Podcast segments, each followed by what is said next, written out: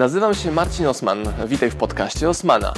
Będę prezentował Ci treści z zakresu biznesu, rozwoju, marketingu. Będzie również dużo o książkach, bo jestem autorem i wydawcą.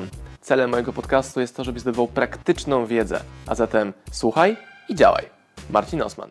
W moich materiałach często pojawia się Fryderyk Karzełek, mój mentor, który pomógł mi wyjść z bardzo trudnych sytuacji biznesowych lat temu już 8, 9, a może prawie 10.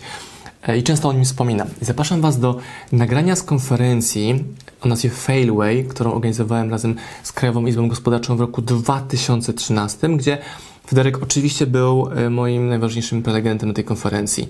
Jest dużo mięsa, dużo konkretu o tym, jak rozwijać biznes, jak upadać, jak się podnosić, że bardzo, bardzo gęsty content. E, zobaczcie, bo też widzicie, jak często o Fryderyku mówię i zobaczcie sobie, jak on teraz sobie doskonale radzi, tworząc na przykład społeczność ludzi klubu 555, gdzie też byłem kilka razy jego gościem, gdzie co rano kilka tysięcy osób o godzinie 5.55 spotyka się po to, aby się od siebie nawzajem uczyć, inspirować i rozwijać. Proszę Państwa, Fryderyk Karzełek w retrospekcji z roku 2013, ale wciąż aktualny, aktualny content. Polecam Wam bardzo serdecznie. Nagranie jest blisko godzinne i nie chcemy go ciąć na części, więc też Wasza prośba, żebyście sobie oglądając ten materiał po prostu zasiedli w fotele i poszli w tą podróż, którą ja i Fryderyk Was zapraszamy. Tutaj oddając już głos Fryderykowi Karzełkowi. Czasu mam szalenie mało. Tak jak powiedziałem przed chwilą, tutaj y, normalnie to mogę przemawiać 6 godzin bez przerwy. Jak mam dobry dzień, to razy dwa. I te 50 minut jest dla mnie szalonym ograniczeniem. Natomiast mam mówić dzisiaj, ten tytuł na początku pomyślałem sobie, kiedy zobaczyłem, że ma być to Anatomia Porażki, pomyślałem sobie, uuu, ciężki tytuł, ale z czasem pomyślałem sobie, przecież ja o tym i tak mówię. Y, porażka jest częścią naszego życia i tutaj mam dla Państwa ciekawe pytanie. Proszę mi powiedzieć, czy Państwo to wiedzą, która drużyna w historii Mistrzostw Świata, która drużyna narodowa w historii Mistrzostw Świata w piłce nożnej przegrała najwięcej meczy? Zimbabwe? Jeszcze raz powtórzę pytanie. Która drużyna narodowa w historii piłkarskich mistrzostw świata w piłce nożnej, które odbywają się co 4 lata, przegrała najwięcej meczy? Białoruś? Brazylia? Brazylia, proszę Państwa. Brazylia przegrała najwięcej meczy w historii piłkarskich mistrzostw świata. Kto jest na drugim miejscu w, tym, w, tej jakby niechlubnej czołówce? Niemcy. Pewnie już Państwo słyszą, co mam tutaj na myśli. Natomiast ja teraz po kolei będę mówił. Ja kiedyś powiedziałem takie zdanie, które mówi, że to, co nam się dzieje w życiu dobrego, to, co nam się udaje, zazwyczaj pozwala nam zarabiać pieniądze. Często, tak? Sukces generalnie kojarzony jest z pieniędzmi. Zresztą ja jestem money coachem, który powtarza cały czas, że pieniądze szczęście dają. Ja jestem takim człowiekiem, który mówi, ktoś, kto mówi, że pieniądze są e, głupie, złe, psują charakter, e, niepotrzebne i tak dalej, to tak naprawdę nie wie, w jakim świecie żyje. Będę starał się dzisiaj też to wyjaśnić po kolei. Natomiast, e, żeby teraz przejść po kolei, to, co nam się w życiu często udaje w biznesie, pozwala nam zarabiać pieniądze. To, co nam się nie udaje, kształtuje naszą osobowość. Kształtuje nasz charakter. I jedno i drugie jest nam niezbędne. Ja teraz sięgnę może do fragmentu, które dzisiaj przeczytałem podróżując. Żyjemy w ogóle w cudownym świecie. Mogłem dzisiaj sobie wstać spokojnie o godzinie 4.30 i przylecieć sobie do Warszawy z i mogę jeszcze dzisiaj wrócić do, na Śląsk, żeby wygłosić kolejny yy, wykład w temacie pieniądze szczęście dają. Natomiast odnośnie szczęścia może jeszcze jedną rzecz powiem. Szczęście jest, proszę Państwa, celem każdego człowieka w życiu. To już wiedzieli starożytni. Człowiek przychodzi na świat po to, żeby być szczęśliwym. Szczęście, napisał tutaj Napoleon Hill, jako ostateczny cel wszystkich ludzkich wysiłków jest stanem umysłu, który można utrzymać tylko przez nadzieję na przyszłe osiągnięcia. Szczęście zawsze leży w przyszłości, nigdy w przeszłości. Osoba szczęśliwa to taka, która marzy o szczytach osiągnięć, na przykład domu, który ma zamiar posiadać, pieniądze, które ma zamiar zarobić, ulokować w banku, podróż, którą zamierza wyruszyć, kiedy będzie jego na to stać, pozycja w życiu, którą zamierza zajmować, yy, zająć, kiedy już się do tego przygotuje oraz same przygotowania, to są rzeczy, które dają szczęście. Proszę Państwa, ja może zacznę jeszcze z jednej strony, żeby wprowadzić pewną rzecz. Od 30 prawie lat zajmuję się e, kierowaniem ludźmi już na studiach. Prowadząc klub studencki jeszcze w Gliwicach na Politechnice Śląskiej, zacząłem zdobywać pierwsze doświadczenia, pomimo że to była głęboka komuna, to byliśmy organizacją, która już wtedy, można powiedzieć, była na własnym rozrachunku. Musieliśmy zarobić pewne pieniądze, żeby pewne e, imprezy przeprowadzić. Musieliśmy po prostu e, jakby dbać o to, nikt nam ich tych pieniędzy nie dał. W związku z czym muszę powiedzieć, że w ciągu tych 30 lat doszedłem do jednego fundamentalnego wniosku. Nazwałem to zasadą Paracelsusa. Podobno Paracelsus powiedział kiedyś, będąc jeszcze w wiekach średnich, powiedział, że w życiu nie ma trucizn, nie ma lekarstw, są tylko substancje. I w zależności od tego, ile tego będzie, jaka będzie dawka, będzie to albo trucizną, albo lekarstwem. Żeby podać przykład, jad żmii stosuje się w farmacji, stosuje się również cyjanek w farmacji e, do, do produkcji lekarstw w odpowiedniej dawce. Oczywiście większej jest to trucizna. Tak jest ze wszystkim. Jeżeli ktoś zapali sobie papierosa raz na jakiś czas, to na jego zdrowiu nie odbije się to w ogóle. Jeżeli ich pali 20-30 dziennie, to jest to już zagrożenie dla zdrowia. Podobnie jest z alkoholem. Ja nigdy nie oceniam czegoś, że coś jest dobre, ale co złe. Mówię tylko, może być odpowiednia dawka czegoś, która będzie albo trucizną, albo w danym momencie lekarstwem. Tak jest, moi drodzy Państwo, z decyzjami. Ktoś kiedyś powiedział mi, że na 10 podjętych decyzji 6 podobno ma być dobrych. I większość ludzi, ze względu na strach przed tymi czterema, które mają być złe, nie podejmuje żadnych. Tymczasem, gdybyśmy popatrzyli na to z tej perspektywy, z perspektywy zasady Paracelsusa, czy z perspektywy tego, że to, co robimy dobrze, yy, daje nam zarobić pieniądze, daje nam poczucie szczęścia, to, co robimy źle, yy, kształtuje nasz charakter, naszą osobowość, no to nic tylko po prostu robić to. Proszę zwrócić uwagę, kiedyś jako dzieci robiliśmy słupki. Pamiętają Państwo, to, to trzeba było gdzieś tam w pierwszej, drugiej klasie, robiliśmy słupki. Widzą Państwo to? Robiliście takie słupki? Tak? I, I, co myślicie na ten temat? Proszę? Nic nie słyszę, co mówicie. Ładne są. Ładne są. Coś jeszcze możecie powiedzieć na temat tego słupka? 5 razy 7 to nie jest. y, Tylko trzy wyniki są dobre. Zaraz, zaraz. Co Pan powiedział? 5 razy 7 to nie jest 42. A ile? 35. Więc zrobiłem błąd.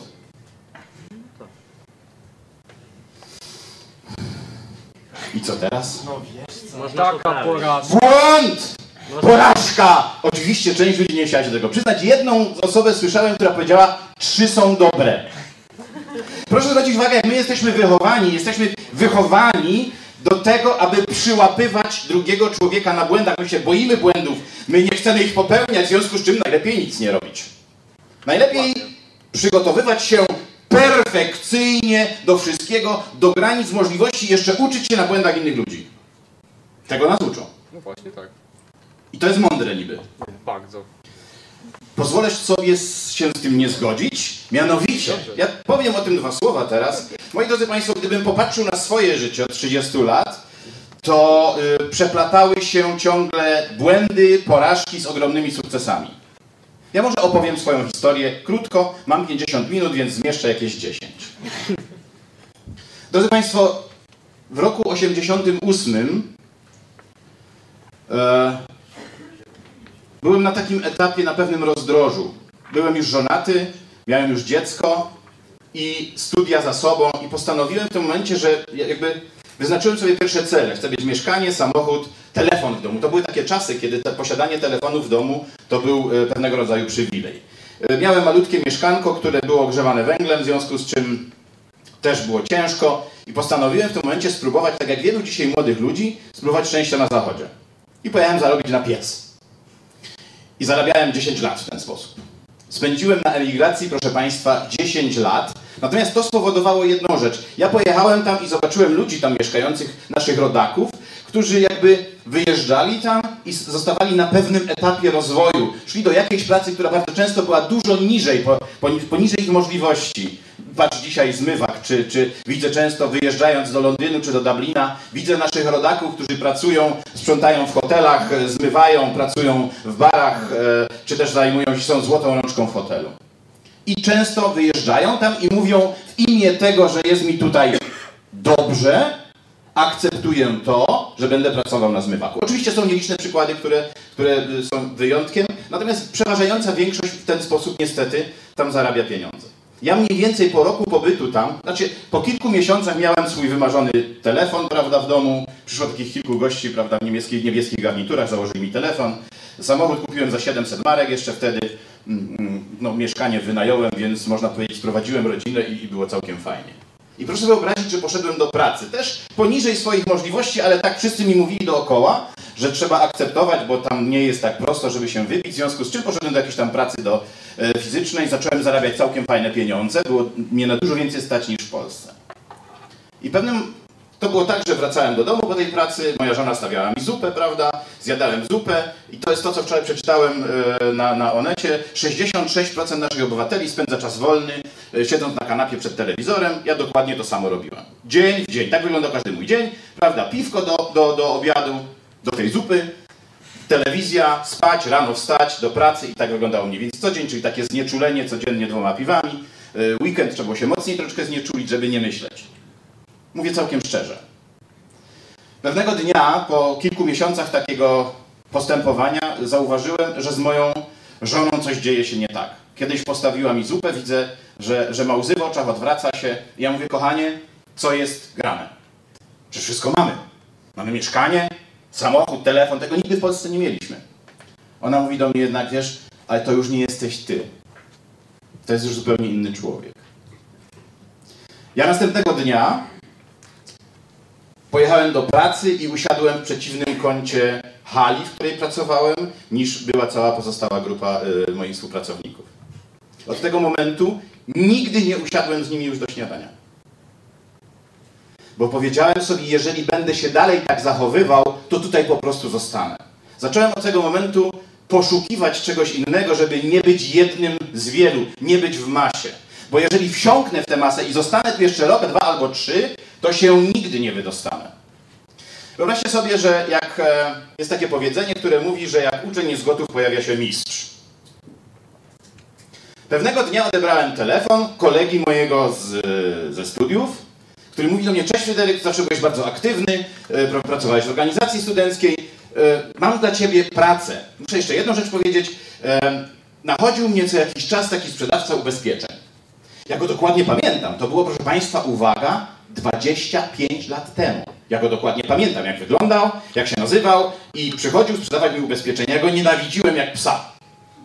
Wysiedział mi dziurę w tapczanie, spędzał u mnie czas, prawda, pił kawę, wydalał, yy, oglądał ze mną telewizję, wszystko po to, żeby spisać ze mną jakieś kolejne ubezpieczenie. Byłem oporny na to, nieprawdopodobnie i powiedziałem sobie, wszystko bym w życiu robił, ale to never. Nigdy. I zadzwonił do mnie pewnego dnia ten mój kolega i mówi, mam dla ciebie fajną propozycję pracy. Ja mówię, akurat szukam, fantastycznie, zapraszam na kawę. Przyjeżdża gość, wyciąga jakieś, prawda, dokumenty i pokazuje mi jakieś piękne domy, samochody, prawda, dużo pieniędzy. Mówię, wow, super, mówię, co trzeba robić? No mówi, zaraz ci powiem, ale jeszcze musimy rozmawiać, wyciąga, pokazuje następne domy, następne samochody, rozmawia ze mną na temat zamożności i tak w ogóle ja mówię, chwila. Czy to chodzi może o jakąś sprzedaż, yy, uwaga, ubezpieczeń? On mówi, nie, no, to chciałbym Ci dopiero za chwileczkę powiedzieć, e, tu posłuchaj i znowu wyciąga mi, pokazuje mi tam jakieś rzeczy, prawda, pokazuje mi jakąś plan kariery i tak dalej. Ja mówię, chwila. Czy chodzi o sprzedaż ubezpieczeń? Tak. Dziękuję bardzo, koniec rozmowy. On mi w tym momencie mówi, to nie koniec. On mi w tym momencie mówi, rozejrzał się po moim mieszkaniu i mówi, Stary, tak widzę po twoim tutaj mieszkaniu, że tak nie do końca ci się jakby super powodzi patrząc na średnią w Niemczech. A mówię, no wiesz, bo to tak naprawdę początek i tutaj miałem tak z 10 wytłumaczeń, dlaczego jeszcze nie osiągnąłem sukcesu. Na co on mówi, yy, a co ci szkodzi pojechać na prezentację, na spotkanie? 20 listopada 1990 roku wylądowałem na spotkaniu, w którym firma OVB zaprosiła mnie do współpracy. Występował tam niejaki Robert Siwczyk. Nazwisko wprawdzie polskie, ale Niemiec rodowity i on pokazał wtedy pewną statystykę, która ujęła mnie za serce. Mianowicie powiedział, że na 500 osób w moim wieku, które rozpoczynają karierę w życiu, na 500 osób w wieku 65 lat statystyka będzie następująca. 25 osób będzie zamożnych, czyli 5%. Około 170 według tamtej statystyki sprzed 25 lat nie będzie już żyło. Cała reszta będzie w jakiejś formie skazana albo na pracę, albo na pomoc innych ludzi. O, to zabolało. Powiedziałem, aha, czyli teraz mam jedyną szansę, żeby znaleźć się w tej grupie 5%, żeby coś w życiu osiągnąć. Patrz, jeszcze wtedy nie wiedziałem dokładnie, jak to z tym szczęściem jest. W związku z czym tamten człowiek mi powiedział, tu, tam była taka grupa ludzi mniej więcej jak tutaj w tym hotelu, i on powiedział, tutaj siedzi jeden albo dwóch naprawdę bardzo zamożnych ludzi. Ja sobie powiedziałem, to ja. I wtedy też padło jedno określenie, powiedzieli, wy wcale nie musicie z nami pracować, to jest tylko dla tych, którzy naprawdę chcą coś zmienić. Ja wtedy zupełnie nieświadomie poznałem definicję szaleństwa. Znacie ją? Szaleństwem jest zrobić ciągle to samo, a oczekiwać innych rezultatów. Więc powiedziałem sobie, jeżeli ja teraz wyjadę z tego hotelu i wrócę do tych okoliczności, w których jestem, to nie zmieni się nic. Ja będę wprawdzie mądrzejszy o tę wiedzę, którą tam mi powiedziano, będę znał tę statystykę, natomiast wszystko wskazuje mnie na to, jeżeli nic nie zrobię, że wyląduję w tej grupie 95%, która albo nie będzie żyła, albo nie będzie skazana na pracę, albo będzie skazana na pomoc innych ludzi. Więc powiedziałem sobie, coś muszę zmienić. Więc powiedziałem, ok, ale będą ubezpieczenia. Dobra, wszystko jestem gotów zrobić, byle tylko wyrwać się z tamtych okoliczności. Moi drodzy Państwo, wytrzymałem w firmie OVB do października następnego roku. Osiągnąłem jakąś tam pozycję menadżera i ten czas pozwolił mi stwierdzić, że to nie jest moja bajka. Że ta firma nie jest moją bajką. Natomiast co się stało? Zakochałem się w branży finansowej. Zakochałem się bezgranicznie i jestem wierny tej branży prawie tak samo jak mojej żonie. To znaczy już prawie 30 lat. No 23 będzie teraz. Czy jest już? Drodzy Państwo, zakochałem się bezgranicznie w branży finansowej i w tym czasie wydarzyło się mnóstwo rzeczy. Mianowicie odszedłem wtedy z OVB po kilku miesiącach, poszedłem do innej prywatnej firmy też sprzedawać ubezpieczenia, też sprzedawać produkty finansowe. Natomiast wtedy zrozumiałem, czego ja tak naprawdę chcę, że chcę stworzyć prawdziwe, prawdziwe doradztwo finansowe z prawdziwego zdarzenia, gdzie nie będzie to tylko i wyłącznie dystrybucja produktów, ale będzie to coaching finansowy, który będzie powodował, że ludzie, którzy się ze mną zetkną, będą nosić sukcesy. Ale okej. Okay. Następna firma, znowu do, dowiedziałem się tam, jak nie robić pewnych rzeczy, dowiedziałem się też wiele rzeczy, jak robić. No i w końcu w 1992 roku otworzyłem pierwszą własną firmę doradztwa finansowego, bardzo szybko. Po dwóch latach od momentu zetknięcia się z nią, otworzyłem w Niemczech, skoczyłem absolutnie na głęboką wodę. Otworzyłem pierwszą własną firmę, 92 rok. Firma, proszę Państwa, żeby nie opowiadać za długo, wytrzymała 4 lata osiągnąłem absolutne wyżyny. To znaczy zbudowałem grupę ludzi, która tym się zajmowała, ja ich szkoliłem, nauczyłem się przemawiać. Wtedy muszę Państwu powiedzieć, że wcześniej tego nie potrafiłem w ogóle. Bałem się jak diabeł święconej wody przysłowiowy, bałem się wychodzenia przed ludzi i powiedzenia czegokolwiek. Tam musiałem się tego nauczyć.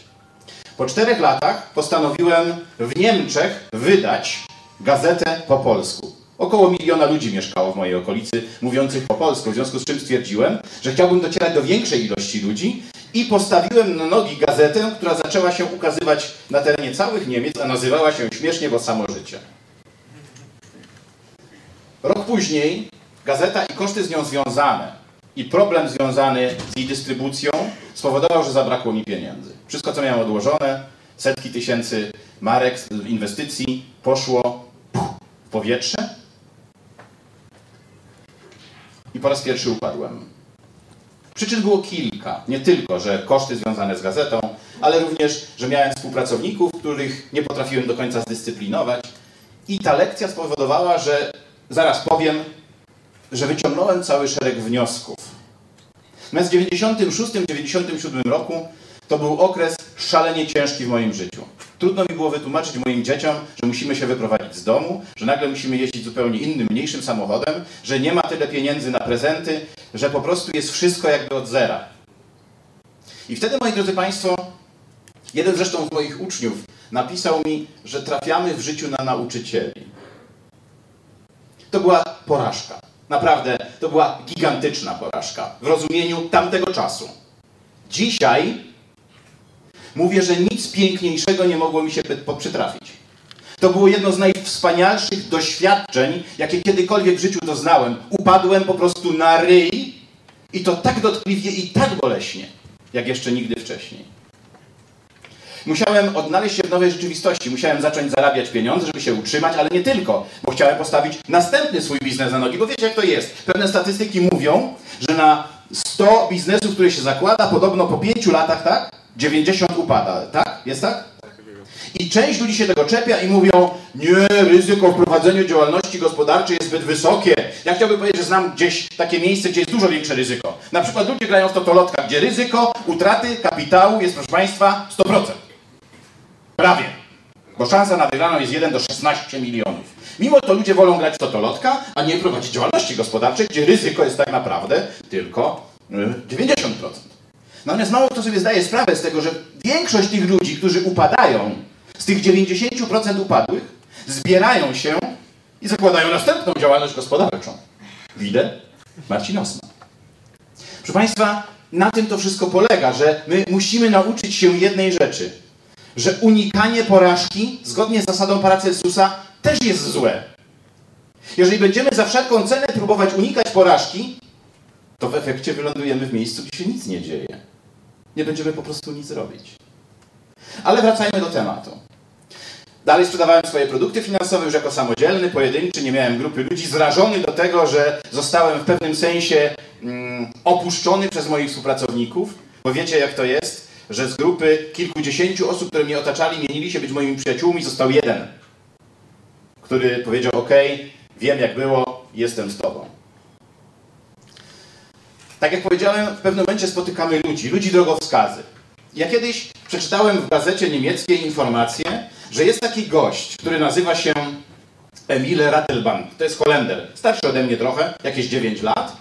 I że prowadzi fantastyczne szkolenia. Jednym z elementów na jakby klucz, czy też jakby taki kulminacyjny moment na tym szkoleniu, to trzeba było prawda, przejść na bosaka przez e, dywan roz, rozżarzonych węgli. Wziąłem sobie jakiś kretynizm. Ale pojechałem na to szkolenie, wydałem jakieś straszne pieniądze i pojechałem na ten wykład, który trwał, szkolenie, które trwało prawie cały dzień. Na początku kazano mi podpisać oświadczenie, e, że gdyby się mi spaliły moje stopy, prawda, to nie będę rościł żadnych pretensji. Tam była cała ekipa lekarzy, prawda, w białych kitlach, były nosze, prawda, wszystko było przygotowane i facet wychodzi i gada. I na samym początku kazał nam robić coś absolutnie głupiego. Mianowicie kazał wszystkim krzyknąć coś takiego, co się mniej więcej nazywało, wyglądało mniej więcej tak Czaka! Ja powiedziałem, no chyba zwariowałeś facet. Ja, poważny przedsiębiorca, ja mam wyjść na środek tutaj i mam krzyczeć czaka! Powiedziałem w życiu. Dwie godziny później stałem na krześle i darłem mordę czaka! Proszę sobie wyobrazić, w pewnym momencie uznałem, że to nie do końca jest chyba takie głupie. Może nie do końca jest to takie nienormalne, bo zauważyłem, że wyzwala to całkiem sporo energii we mnie. W związku z czym doczekałem do końca i w pewnym momencie nastąpił ten moment kulminacyjny. To znaczy trzeba było tymi bosymi stopami przejść przez ten, ten dywan rozżarzonych węgli.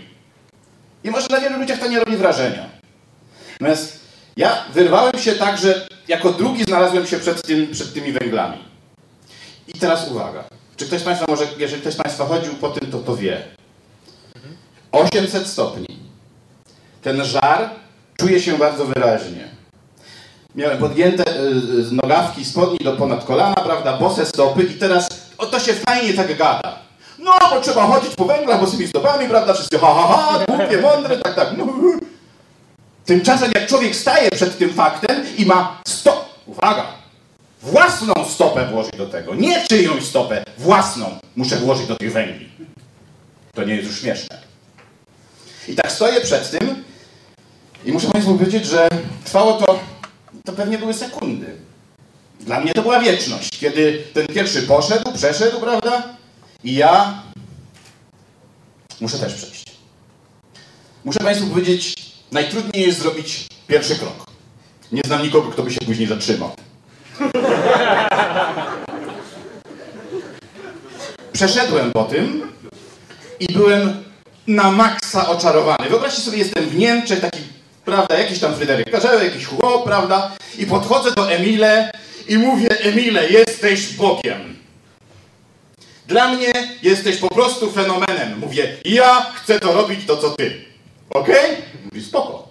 Ja mówię, ja chcę dokładnie to robić, co ty, to znaczy będę motywował tych ludzi, prawda, w Polsce. Uważam, że tam jest bardzo dużo zrobienia. To, uważa, uwaga, to był rok 97. I teraz, co robi Emile Rattelband? Ja mówię, wiesz co Emile, ja będę e, z tobą chodził na wszystkie szkolenia, będę ci przynosił bułkę, nosił torbę, pisaki, przygotowywał flipchart, wszystko będę robił, tablicę będę ścierał, wszystko co tylko zechcesz, tylko pozwól mi za sobą jeździć, bo jak wiesz, przeczytałem Tony Robbinsa, to wiedziałem em, modeling of, of excellence, więc powiedziałem sobie, ja też chcę to robić. Co on mi powiedział? Mówi Fryderyk, przykro mi, ale nie. Dlaczego? On mówi, no bo wiesz, muszę ci coś powiedzieć. Jeżeli to jest w tobie, to to po prostu rób. Jeżeli tego w tobie nie ma, tego czegoś, to ja ci nie pomogę. No ale zrób to jakbyś osiągnął sukces kiedyś, to zadzwoń do mnie. Moi drodzy, to trwało jakiś jeszcze rok. Musiałem odłożyć troszeczkę pieniędzy, spakowałem się, wróciłem do Polski. Postanowiłem prowadzić szkolenia. Tak się złożyło, że moja historia związana ze szkoleniami to są lata 98-2002. I w pewnym momencie stwierdziłem, że nie jestem w stanie bardziej się rozwinąć.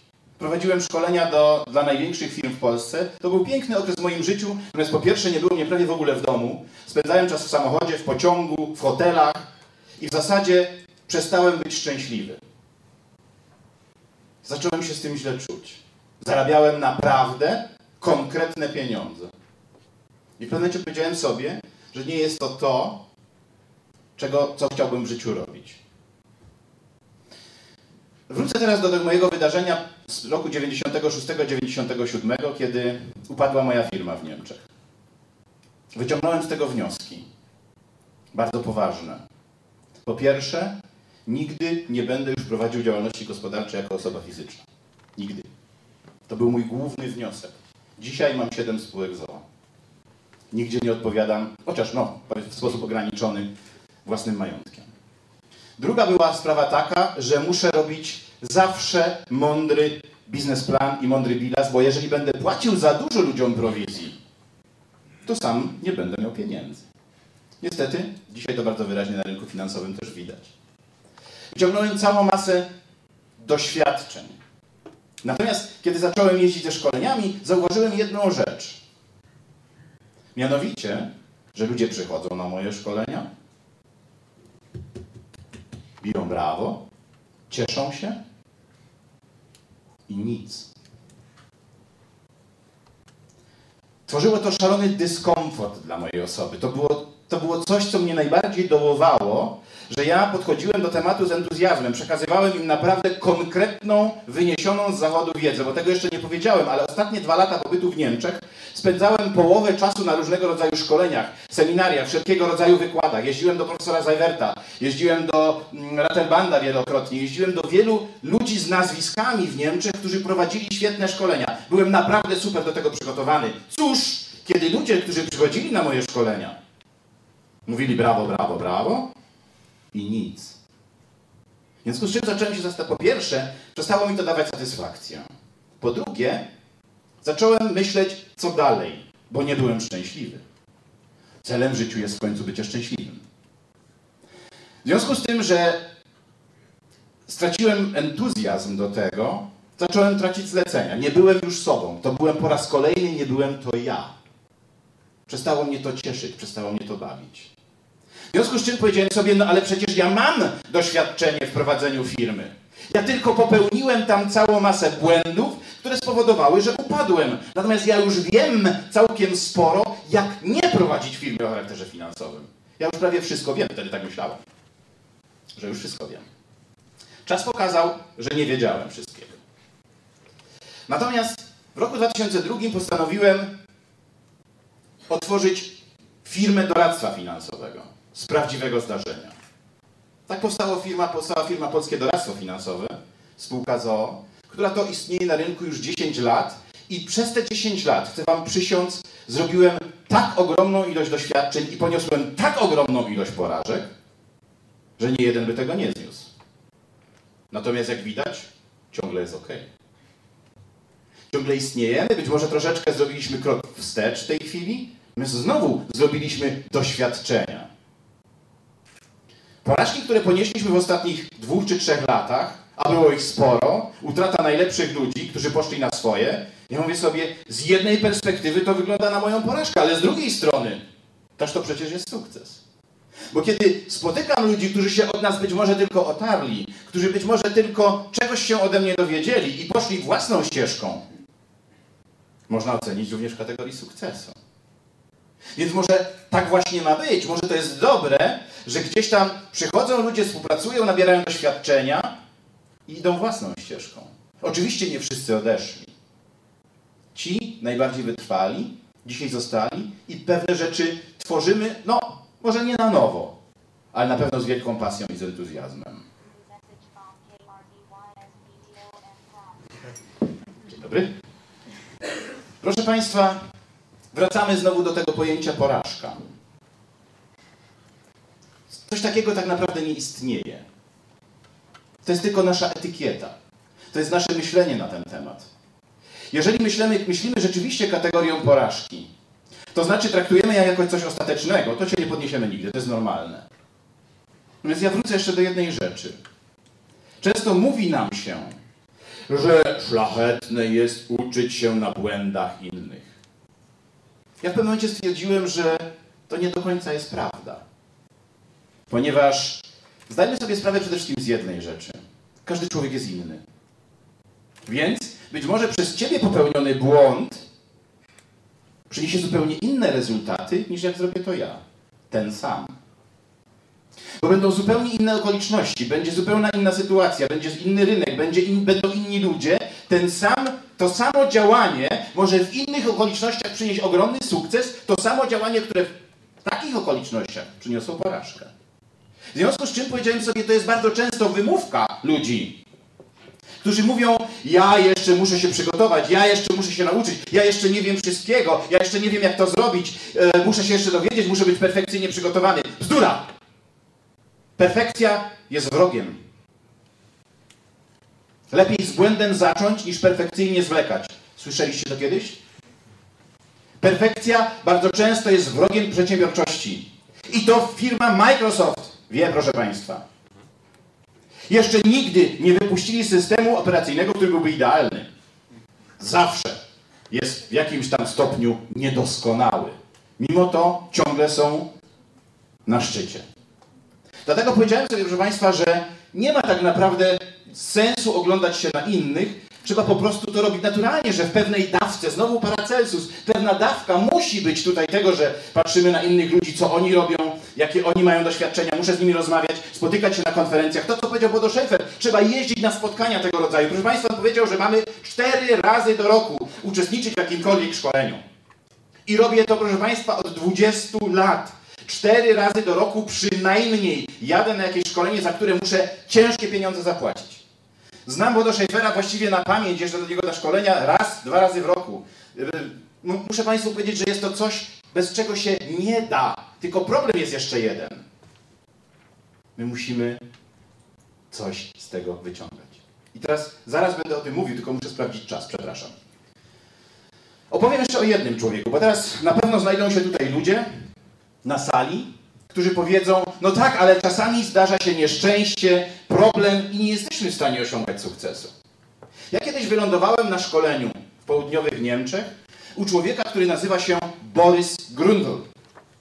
Boris Grundl 25 lat temu był jednym z najbardziej obiecujących tenisistów w Niemczech. Pierwsze 25 rakiet. Pewnego dnia pojechał na, zgroma, na zgrupowanie do, do Meksyku i zobaczył, jak Indianie skaczą z wodospadu. Postanowił spróbować. Wyszło mu.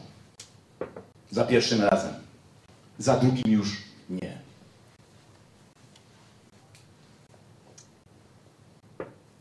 Nie wiem dokładnie, który to był kręg, ale któryś tam czwarty czy piąty mu strzelił. Na tej wysokości przerwał się rdzeń kręgowy. W związku z czym lekarze mu powiedzieli, że jedyne, co będzie mógł w życiu robić, to poruszać tymi dwoma palcami i szyją. To był dla niego wyrok. Człowiek, który był zawsze aktywny, sprawny, który miał życie przed sobą, nagle ląduje w łóżku przez rok, gdzie jest odwracany w górę i w dół, w górę i w dół. Widzi- na przemian podłogę i sufit. I jest zdany tylko i wyłącznie na własne myśli. I zadaje sobie pytanie, dlaczego właśnie mi się coś takiego przytrafiło? Nagle się okazuje, że z czasem zaczyna zmieniać myślenie i mówi sobie, aha, ale tego już się nie da zmienić. Nie da się tego zmienić. Muszę uczyć się akceptować to, że mam ten kręg, na tej na wysokości czwartego czy piątego kręgu mam rdzeń kręgowy przerwany. Muszę to zaakceptować, nie da się tego zmienić. To są moje karty do gry. I mogę nimi tylko grać albo nie. Ja spotkałem Borysa już długo po jego wypadku. Dzisiaj jest przedsiębiorcą, prowadzi szkolenia. Występował w reprezentacji Niemiec w rugby. Jest żonaty, ma dziecko, jeździ samochodem. Okazało się, że lekarze się mylili. Jedyne co, to nie potrafi poruszać się na własnych nogach. Natomiast jeździ na wyczynowym wózku. Proszę Państwa, to była z pewnością porażka to zdarzenie dla niego w pewnych kategoriach. To było coś strasznego. Natomiast nie ma czegoś takiego jak ostateczna porażka. Proszę Państwa, kiedy zacząłem robić szkolenia w Polsce, kiedy zacząłem jeździć, przestało mi sprawiać to, e, dawać to satysfakcję. Musiałem zdecydować, i to też było bardzo odważne, bo musiałem zdecydować, że rezygnuję w tej chwili z prowadzenia szkoleń i wchodzę w obszar, w którym kiedyś poniosłem porażkę. Muszę wejść w obszar, którego w Polsce nie do końca znam. Znałem ustawodawstwo niemieckie, bo tam się wykształciłem. I nagle zamarzyłem sobie, że stworzę w Polsce firmę, która będzie autentycznym, prawdziwym doradztwem finansowym. Muszę Państwu powiedzieć, że jeszcze nie do końca mi się to udało. Czy to źle? Może powiem tak, proszę Państwa. Jest jedno wielkie antidotum na, czy też sposób na radzenie sobie z porażką. To jeszcze, ja jeszcze raz powtórzę to, co powiedziałem na początku. To, co nam będzie się w życiu udawać, będzie nam dawało pieniądze. Mówię o biznesie. To, gdzie będziemy popełniać błędy, gdzie będziemy ponosić porażki, będzie kształtowało naszą osobowość. Muszę Państwu powiedzieć, że jeszcze 10-15 lat temu byłem zupełnie innym człowiekiem. Jestem inny niż tamten Fryderyk jeszcze lat temu 10 czy 15. Jestem bardziej być może dojrzały, mam więcej pokory, ale też, proszę Państwa, ludzie się dzielą na. Znaczy, można być w życiu szczęśliwym i można być w życiu zadowolonym. Zwróćcie uwagę, że ludzie czasami mówią: Wprawdzie nie jestem do końca szczęśliwy, ale jestem zadowolony. Znacie takich? Ludzie na przykład mówią, no nie jestem szczęśliwy, bo, bo, bo, bo nie, nie robię, nie mam pracy takiej, jaką bym chciał, nie mam tylu pieniędzy, ile bym chciał, nie, mam nie jestem tak rozwinięty, nie robię tego, co bym chciał. Siedzę przed telewizorem na przykład na kanapie. Ale jestem zadowolony, bo inni mają się gorzej. Zwróćcie uwagę, nagle się porównujemy i mówimy, nie, my mamy się dobrze, jestem w sumie zadowolony. To jest pułapka zadowolenia, proszę Państwa, jedna z najgorszych rzeczy, jaka może nam się przytrafić. Moment, kiedy rezygnujemy z realizacji naszych zamierzeń. Każdym z nas, tu głęboko w sercu, nie tutaj, tutaj, gdzieś głęboko są nasze pragnienia. Macie coś takiego? Może nie tylko pragnienia, może mamy jakieś tęsknoty. Może gdzieś tu głęboko w sercu mówimy sobie, no, chciałbym, żeby było inaczej, ale i tu znajdujemy cały szereg wymówek, dlaczego się nie da. Proszę Państwa, najlepszą receptą na porażkę w życiu to wpaść w pułapkę zadowolenia. Że robimy, idziemy na kompromis z własnym losem. Przestajemy dążyć, przestajemy grać, żeby wygrać, zaczynamy grać, żeby nie przegrać. Nie jest źle, tak jak podpowiada mi tu Marcin. Nie jest źle i teraz nagle walczymy o to, żeby to zachować. Już nie mamy wyznaczonego kierunku, gdzie zmierzamy. I to jest, proszę Państwa, pułapka, w którą udało mi się nie wpaść w ostatnich dwóch, trzech latach. Bo równie dobrze mogłem zachowywać status quo i powiedzieć, nie, za wszelką cenę muszę utrzymać tych ludzi, za wszelką cenę muszę sprawić, żebyśmy zachowali poziom produkcji. Nie! doprowadziłem wskutek własnych decyzji.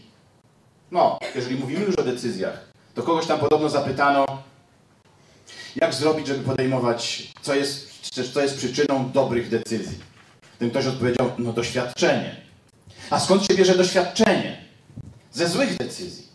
W związku z czym, wiedząc to, powiedziałem sobie, nie mogę teraz iść na kompromis z moim własnym sumieniem, z moim własnym życiem. Jednym z przyczyn upadku mojej, upadłości mojej w Niemczech było to, że wprowadziłem do sprzedaży, uwaga, poszedłem na kompromis z własnym sumieniem. Wprowadziłem do sprzedaży produkt, który spowodował utratę przez moich klientów 2,5 miliona marek. Może nie jest to jeszcze Amber Gold.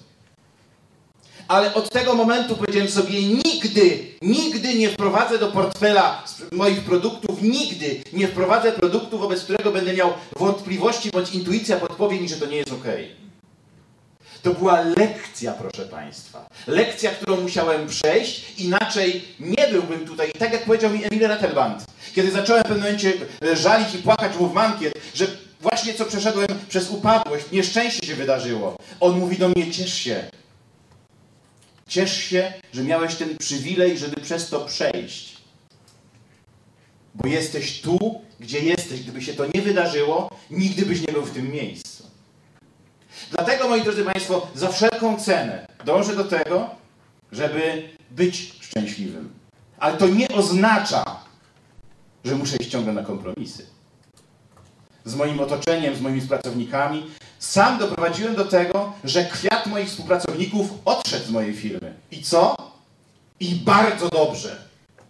Jest taka piękna historia, która mówi o Edisonie. To nie ta, że tam zrobił 10 tysięcy prób. Nie wiem, czy, ją, czy słyszeliście kiedykolwiek, że mając 66 lat, Edison w wyniku pożaru stracił wszystkie swoje laboratoria, które były warte około 4 milionów dolarów. To były straszne pieniądze wtedy. Ubezpieczenie opiewało na kwotę bodajże 300 czy 400 tysięcy dolarów. I kiedy zapadł zmierzch, wieczorem nad zgliszczami, kiedy stał i patrzył na to, na to pogorzelisko, przyszła jego żona, a ten ją objął i powiedział, patrz kochanie, Patrz, jaki, jakie szczęście nas spotkało. Mało kto ma taki przywilej. Popatrz, wszystkie nasze błędy spłonęły. Mamy ten nieprawdopodobny przywilej zacząć wszystko od początku. Jedno jednak zostaje i wszyscy to doskonale wiecie.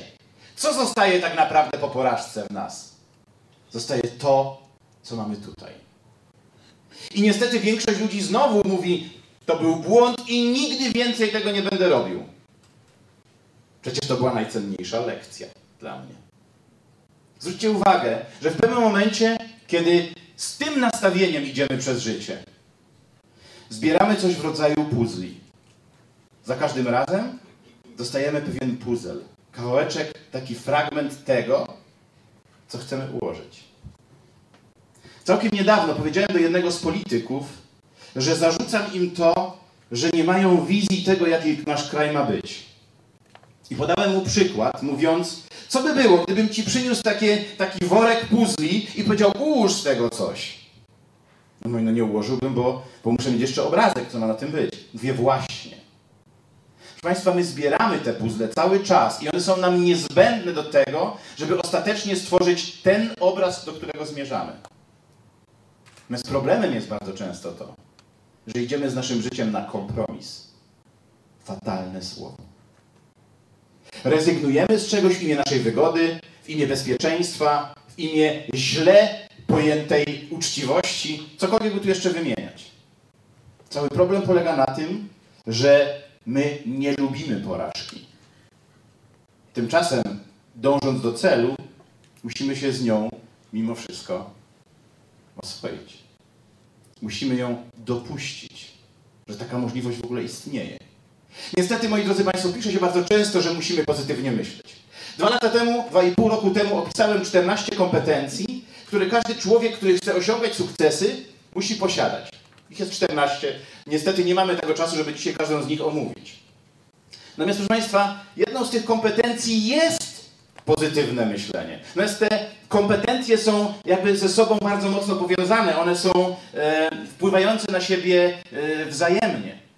To znaczy, jeżeli jedna z nich jest na niskim poziomie, to jest tak jak z jednym ogniwem słabym w łańcuchu. Cały łańcuch jest tak mocny, jak najsłabsze ogniwo w tym łańcuchu. I jednym z tych ogniw jest naturalnie pozytywne myślenie. Ja nazwałem to tworzenie przyjaznej rzeczywistości. Naturalnie, że musimy zakładać, kiedy dążymy do jakiegoś celu, zakładamy, że nam się uda. Natomiast jeżeli tylko będziemy pozytywnie myśleć, to równie dobrze możemy zachować jak się ten gość, który siedział w domu i myślał pozytywnie, prawda? Siadał i robił om, om, jestem pozytywnie myślący, jestem bogaty, om, zamożny, om, mam bardzo dużą firmę, jestem sexy, om, i tak, prawda, trzy godziny, albo dzień cały, albo dwa. Po czym wychodzi z tego transu, patrzy, prawda? A maluch rocznik 76 dalej zawieje pod blokiem i w międzyczasie zwędł kwiatki. Bo ich nie podlewał. Proszę Państwa, samo pozytywne myślenie jest tylko i wyłącznie jednym z elementów. Nie możemy w całym zaślepieniu nie wykluczyć, czy też uciekać od popełniania błędów, bo na 10 podjętych decyzji 6 będzie dobrych. Uuu cztery mają być podobno złe. Niestety, proszę Państwa, tak to funkcjonuje. Tak się złożyło, że w całym moim dotychczasowym biznesowym życiu przechodzę przez jedno i przez drugie. Jak widać, dalej funkcjonuję i żyję, mam pieniądze, mam zapłacone wszystkie rachunki. To, że tąpnęło ostatnio w moim życiu biznesowym. Fantastycznie. Bo co? Bo teraz już uwaga, wiem, wiem następne rzeczy, jak to nie działa. I teraz mogę z tego wyciągnąć wnioski i tak jak powiedział Edison, mogę pewne rzeczy zacząć zupełnie od samego początku. Bo, proszę Państwa, to droga jest celem. To droga ma nas dawać szczęście. Jeżeli uzależnimy tylko i wyłącznie ten cel, który chcemy osiągnąć, od tego uzależnimy nasze szczęście, będziemy ponosić porażki. Jeżeli jednak powiemy, to droga jest celem, to droga jest, ma być, to, to droga ma mi dawać szczęście, wtedy nagle okazuje się, że wszystko się układa. Ja może teraz wprowadzę jeszcze jedno pojęcie. Ja prosiłbym Cię może Marcin, tylko jak ja będę już miał 10 minut jeszcze. Dobra. Później jeszcze może być 10 minut. Dobra. Ja chciałbym pokazać jeszcze jedną pułapkę w tej chwili.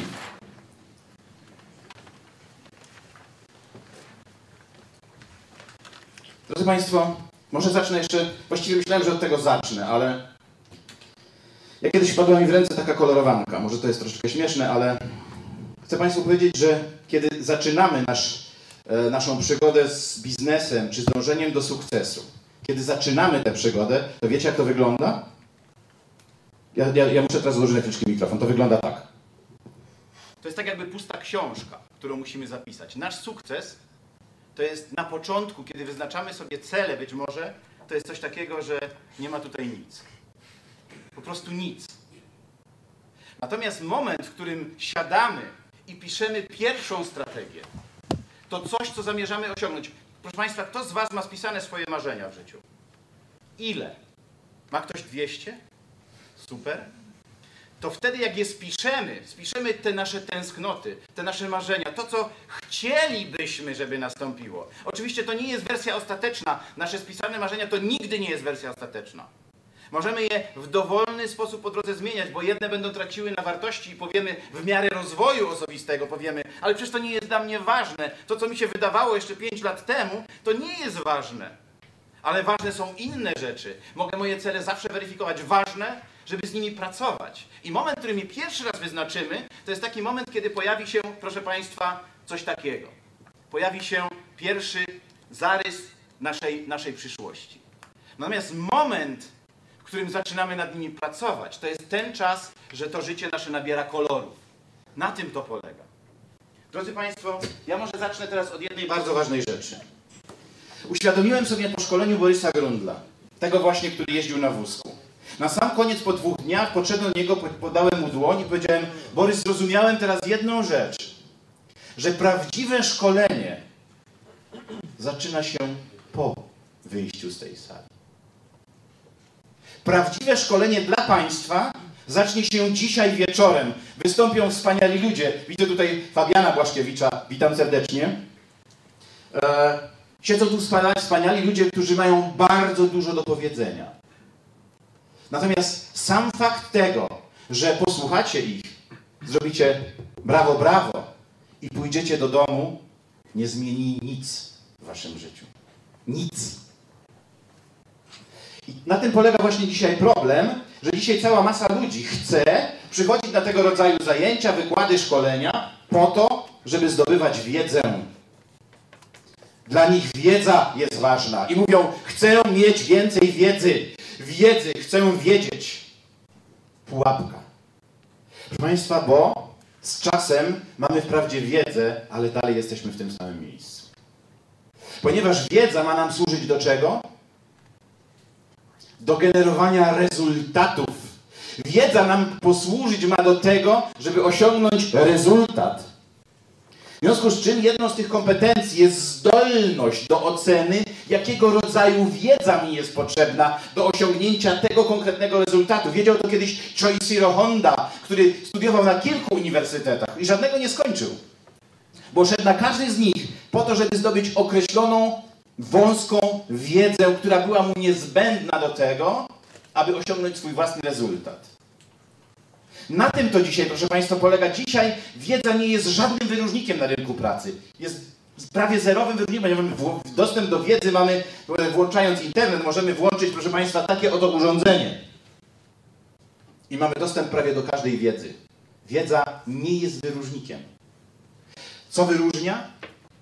Otóż, proszę Państwa, po drodze pomiędzy wiedzą i rezultatem są jeszcze cztery punkty. Wiedza, którą rozumiemy, zaczyna wyróżniać. Wiedza, która jest nie tylko pewnym poziomem, stopniem pojmowania w naszej głowie, ale rozumienie tej wiedzy, to już zaczyna wyróżniać. Kiedy na przykład ktoś przychodzi i mówi nam, przykład, może skorzystam teraz z mojej jakby branży finansowej. Zauważyli Państwo być może, że dzisiaj bardzo dużo się mówi na temat systemów emerytalnych. Kto dzisiaj z Państwa wie, że będą problemy emerytalne dzisiaj dla młodych ludzi? Kto z Państwa wie? Każdy wie. Proszę Państwa, bo o tym się bardzo dużo mówi. 90% ludzi o tym wie. Problem zaczyna się w momencie, kiedy mówimy, dobra, ale dlaczego tak jest? Powiem Państwu dlaczego. Ja może tutaj ja czysto humorystycznie powiem, proszę Państwa, my jesteśmy krajem chrześcijańskim, jesteśmy krajem katolickim, w którym zakazana jest aborcja, tak naprawdę zakazana jest antykoncepcja, nie powinniśmy stosować środków antykoncepcyjnych i uwaga, nie rodzą nam się dzieci. Jaki z tego wniosek? Nie ciupciamy. Proszę Państwa, nie ciupciamy! No bo przecież nie wolno stosować środków antykoncepcyjnych, nie wolno przerywać ciąży i dzieci, jak nie było, tak nie ma! W związku z czym jesteśmy na 209 miejscu na świecie w nieciupcianiu. Proszę Państwa, straszne. My wprawdzie wiemy, że powinniśmy dzieci robić, ale nie rozumiemy tego. Tragedia nas czeka, bo system emerytalny nam się zawali. Ja sobie teraz troszeczkę żartuję. Przepraszam. Jeżeli uraziłem kogoś, I'm sorry. Proszę Państwa, nie ma szans aby system emerytalny w tym kraju odpalił i jesteśmy skazani na tak zwaną emeryturę obywatelską. O tym dzisiaj już niektórzy politycy mówią prawdę. Rzadko, bo rzadko, ale mówią.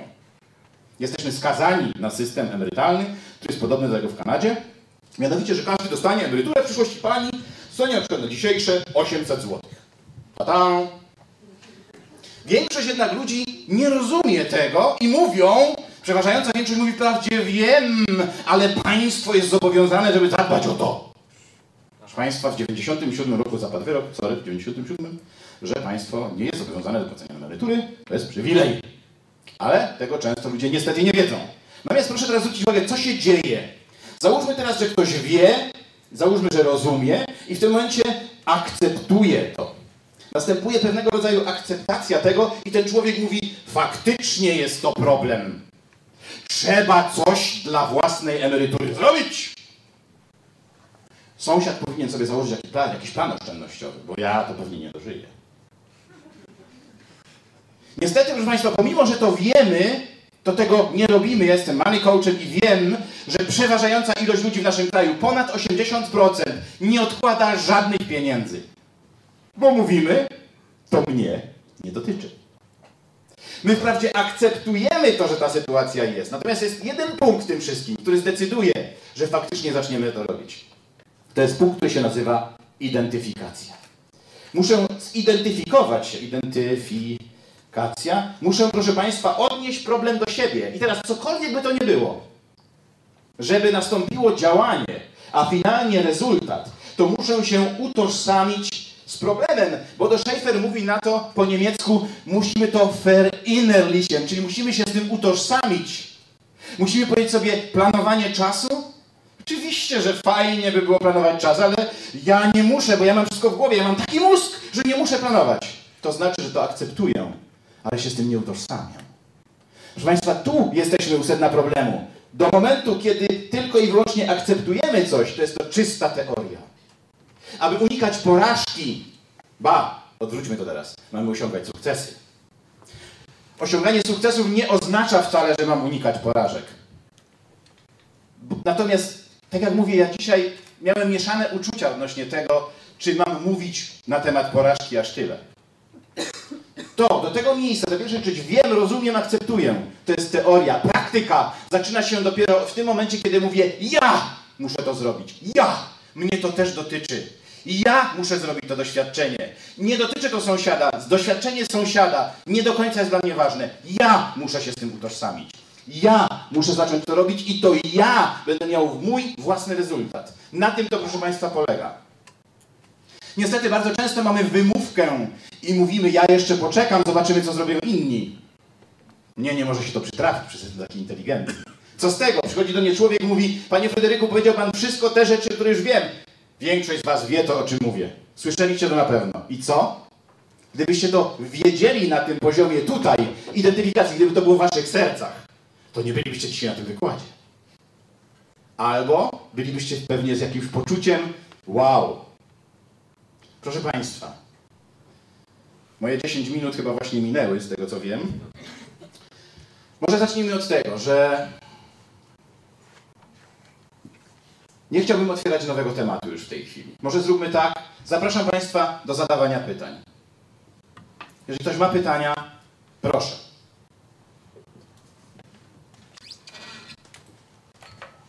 Jeżeli nie ma pytań, to... Raz, raz. Jeżeli nie ma pytań, to ja rozpocznę z pierwszym pytaniem. I może też Was to bardziej ośmieli do większej reakcji, bo na pewno macie pytanie, na pewno macie ten mo- moment, w którym podnosicie rękę, ale druga ręka schowają tu z powrotem. Fryderyk, mówiłeś o tym, że porażka jest jedną z lepszych rzeczy, jakie się przydarzyła, ponieważ po- pozwoliła Ci zatrzymać się w jakimś momencie, przemyśleć raz jeszcze swoje strategie i działać inaczej. Okej, to jest fajne, ale z perspektywy czasu.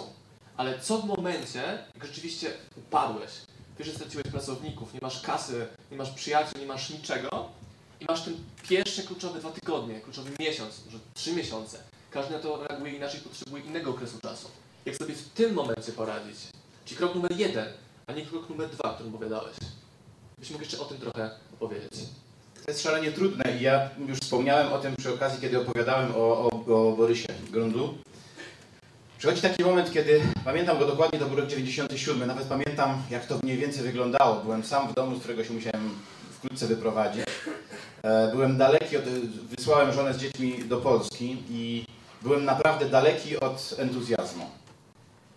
Natomiast wszystko będzie zależało od tego, jakie sobie w tym momencie zadamy pytanie. Ja o tym już powiedziałem. Po pierwsze, po pierwsze, drodzy Państwo, my nie możemy się e, zacząć rzucać. To jest tak, jak ukąsi nas żmija i będziemy ją gonić, to jad jeszcze szybciej rozejdzie się po naszym organizmie. To jest to, co dotyczyło też Ciebie. Ja Ci powiedziałem w tym momencie, weź zamknij się teraz w pokoju, zatrzymaj się i zrób bilans otwarcia nowej sytuacji. To znaczy, muszę się w pewnym momencie zastanowić, kiedy upadłem, to muszę wiedzieć teraz tak, co mi tak naprawdę zostało. Jakie potencjały mam. Po drugie, muszę się zastanowić, co było w tej upadłości, w tej, w tej porażce, w tym błędzie dla mnie dobre. Jaką muszę wyciągnąć lekcję, to znaczy, co muszę w przyszłości robić bardziej, a czego muszę w przyszłości unikać. To są wszystko, moi drodzy, banały. No, Mało kto to robi. W momencie upadłości ludzie zaczynają wierzgać, rzucać się, gonić, prawda? E, wydają każdą złotówkę na spłatę swoich wierzycieli, ich długi w tym momencie jeszcze bardziej rosną, e, dzieje się dramat. Natomiast ja muszę się w tym momencie zatrzymać. Czy wiedzą Państwo, na czym polega dzisiaj zatrzymanie? Cały problem polega na tym, ja jeszcze powiem jedną rzecz. Złą wiadomość mam. Kryzys, proszę Państwa, przychodzi zawsze. Zawsze. Będzie zależało tylko to od tego, co się wydarzy, będzie zależało od tego, czy jestem na ten kryzys przygotowany, czy nie. Ale on przychodzi zawsze, w mniejszym lub większym stopniu. Kryzys nie oznacza porażki od razu. Natomiast muszę pamiętać o tym, że zatrzymanie prawdziwe w tym momencie, kiedy się coś wydarzyło, polega na tym, że ja muszę odciąć się w pewnym sensie, odciąć się od rzeczywistości. Bo teraz, jeżeli ja będę katował się mediami, będę rozmawiał z moimi przyjaciółmi tylko i wyłącznie, to prawdopodobieństwo popełnienia błędu jest prawie 100%. Muszę robić pewne rzeczy inaczej, niż wszyscy inni w takiej sytuacji robią. Zatrzymanie polega na tym, że muszę znaleźć czas, najlepiej codziennie, może godzinę, może dwie, kiedy zamykam się w pokoju, gdzie nie ma telefonu, nie ma radia, nie ma telewizji, nie ma internetu, bo proszę Państwa, prawdziwe myśli, ja się tego nauczyłem kiedyś, kiedy przenosiłem moją działalność z Niemiec do Polski. Jeździłem samochodem i w pewnym momencie zepsuło mi się radio. I okazało się, że ta cisza w czasie tych 8-10 godzin podróży była najbardziej zbawienna. Ja wymyśliłem najpiękniejsze pomysły w tym czasie. Mało kto zdaje sobie sprawę z tego, że prawdziwa kreatywność przychodzi do nas dopiero, kiedy siedzimy spokojnie przynajmniej 30 minut.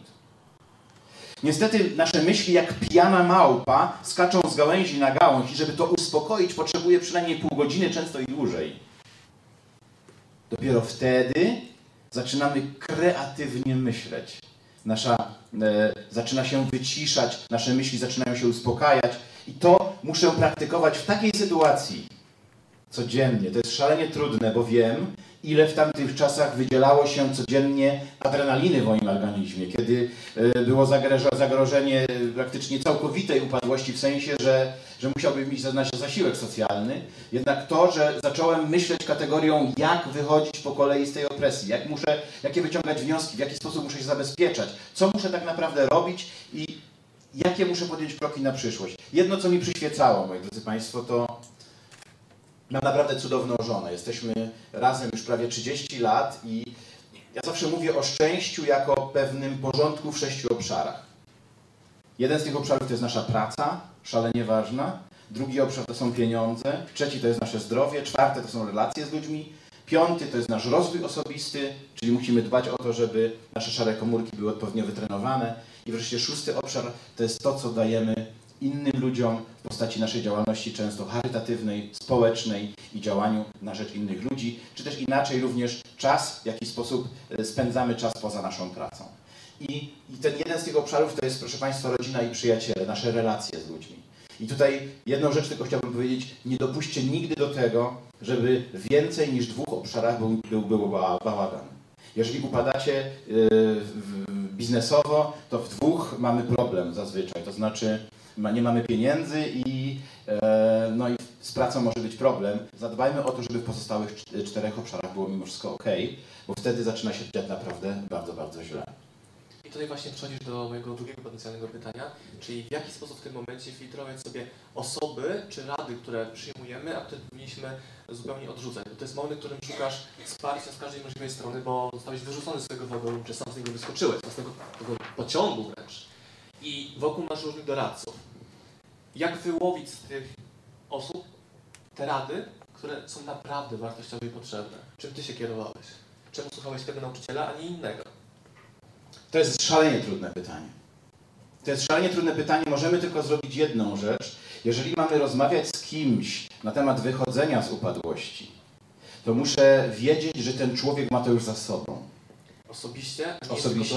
A nie, że czytał na ten temat. Jeżeli ja chcę jeździć samochodem Formuły 1, to nie mogę rozmawiać z kimś, kto ma mistrza świata w jeżdżeniu na rowerze. To jest proste. Niestety my jako Polacy mamy tę przedziwną skłonność, że zasięgamy często rady naszego otoczenia, ludzi, którzy najczęściej nic w życiu nie osiągnęli, ale lubimy się, są to nasi przyjaciele i oni często mają dla nas dobre rady. Ja może powiem tak, proszę Państwa, jest taka stara hinduska legenda, która mówi, że Stwórca jak stworzył świat, to najpierw stworzył małże. Położył ją na dnie morza i małża prowadziła szalenie pasjonujący tryb życia, to znaczy jak była głodna, to się otwierała, wpływał plankton, zamykała się, konsumpcja, prawda, znowu zgłodniała, otwierała się, plankton, konsumpcja i tak na okrągło. Podobno ten sam stwórca y, jako drugo, drugie stworzenie na świecie stworzył orła. I orzeł nie dostawał nic za darmo. Musiał każdy kawałeczek pożywienia dla siebie, dla swoich dzieci upolować. Natomiast zamian za to miał możliwość pokonywania przestworzy, podziwiania pięknych widoków, mógł się przemieszczać i podziwiać świat. Jako trzecie stworzenie stworzył człowieka i zaprowadził go do jednego i drugiego. Powiedział, teraz możesz wybierać, jakie życie chcesz prowadzić. Możesz prowadzić życie małży i zawsze znajdzie się ktoś, kto ci, prawda, rzuci coś w postaci tego planktonu, ochłapu. Możesz prowadzić też życie orła, ale to swoje kosztuje. Ale to nie jest sedno tej, tej historii. I w tym momencie ludzie zaczęli wybierać i w pewnym momencie ludzie uznali, że ani jedno, ani drugie im nie, nie odpowiada, bo nie, nie, nie chcą prowadzić życia małży jako zbyt nudne, ale też y, życia orła jako zbyt odpowiedzialne. Cena za, za to jest zbyt wysoka. W związku z czym zaczęli szukać zwierzęcia, które by im odpowiadało i znaleźli kaczkę. To nie ma nic wspólnego z polityką. Proszę Państwa, znaleźli kaczkę, która y, jak coś się źle dzieje, to co robi? Kwacze, narzeka. I niestety, proszę Państwa, to jest cały problem, że takich ludzi jest najwięcej, którzy wybrali drogę, drogę kaczki. To jest droga narzekania, droga nic nie robienia, droga kontestowania, lenistwa, braku dyscypliny. To jest droga kaczki. I pierwsze, co musimy zrobić, nawet nie w sytuacji kryzysowej, ja zachęcam każdego. Pierwsze, co musimy zrobić po dzisiejszym spotkaniu, to przeprowadzić dekaczyzację swojego otoczenia. Proszę Państwa, musimy się zastanowić nad tym wokół nas. I to wcale nie jest nic złego dla tych, którzy są kaczkami, bo oni się nagle muszą dowiedzieć, że są kaczkami. Bo inaczej nigdy się nie zmienią. Musimy w pewnym sensie kontestować te osoby, które narzekają. Jeżeli będziemy mieć ich w naszym otoczeniu, też będziemy z czasem narzekać. W związku z czym musimy się zastanowić, kto z mojego otoczenia buduje mnie, a kto mnie ciągnie w dół. Bo teraz zwróćcie uwagę, jeżeli ja nagle chcę wyjść wyżej, a wokół siebie mam same kaczki i jest ich 10, to nie mam szans, żeby wciągnąć ich na ten poziom. Zostanę ściągnięty w dół. Dlatego też, proszę Państwa, to są wszystko decyzje odnośnie tego, z kim ja tak naprawdę przebywam, kim się otaczam. Tak to już w tym życiu jest. Tak? Proszę. Czyli lepiej się od wszystkich odwrócić? Nie powiedziałem, że od wszystkich. Zdradziłeś. Czy ja powiedziałem, że mam się od wszystkich odwrócić? Dekaczyzacja może znaczy inaczej. Jak to powiedziała pewna młoda dziewczyna, straciła chłopaka, który wziął ją i był zostawił. I następnego dnia rano zobaczyła na lustrze przez mamę napisany tekst szminką na lustrze jak półbogowie odchodzą, to przychodzą bogowie. Jeżeli w tym momencie mam same kaczki w otoczeniu, a chcę mieć orłów, to muszę zrobić dla nich miejsce. Być może. Muszę Wam powiedzieć, że kiedy zacząłem moją pracę w doradztwie finansowym, znaczy sprzedawałem wtedy ubezpieczenia, miałem przyjaciela, który był ojcem chrzestnym mojej córki. Kiedy poszedłem zaproponować mu moje usługi, to mnie wyśmiał. Powiedział mi, że nigdy sobie w tej branży nie poradzę. Że za słabo znam język, że to jest zbyt trudne. I powiedział mi w tym momencie, mówi, nie dasz sobie rady, przysięgam ci, nie masz szans, lepiej zostań w tej pracy, gdzie jesteś. Powiedział mi poza tym, mówi, gdybyś tak, mm, może jakbyś 5 lat temu zaczął, to może być się udało, teraz nie masz szans. Ja mimo wszystko zacząłem. Właściwie nasze ścieżki się rozeszły. Mieszkaliśmy blisko siebie, ale nie za bardzo, nie bardzo mieliśmy wspólne tematy. Ja zajęty pracą, budowaniem firmy, on swoją kaczą, dalej zachowaniem swojej kaczej pozycji. Spotkaliśmy się mniej więcej po pięciu latach, kiedy miałem potężne biuro, zarabiałem naprawdę konkretne pieniądze, a on stracił pracę. I spotykamy się u mnie w biurze i mówi, wow, super się urządziłeś. No, udało ci się. Mówi, ale nie mam pracy teraz. Ja mówię, dawaj, dawaj do mnie. Mówię, spoko, dasz sobie radę. On mówi, nie, gdybym może zaczął tak jak ty wtedy, to może by się udało. Dzisiaj sobie już nie dam rady. I tym optymistycznym akcentem zakończymy. Bardzo dziękuję. Drodzy Państwo, serdecznie dziękuję za uwagę. Było mi szalenie miło przed Wami wystąpić. Chcę powiedzieć, że nie powiedziałem wszystkiego, co chciałem powiedzieć i nie wiem, czy udało mi się trafić tylko do Waszych umysłów, czy może już do serc. A to właściwie było bardziej moim celem. Zachęcam do tego, żeby rozwijać się, ale nie tylko teoretycznie. Just do it po prostu. Dziękuję serdecznie. Dziękuję.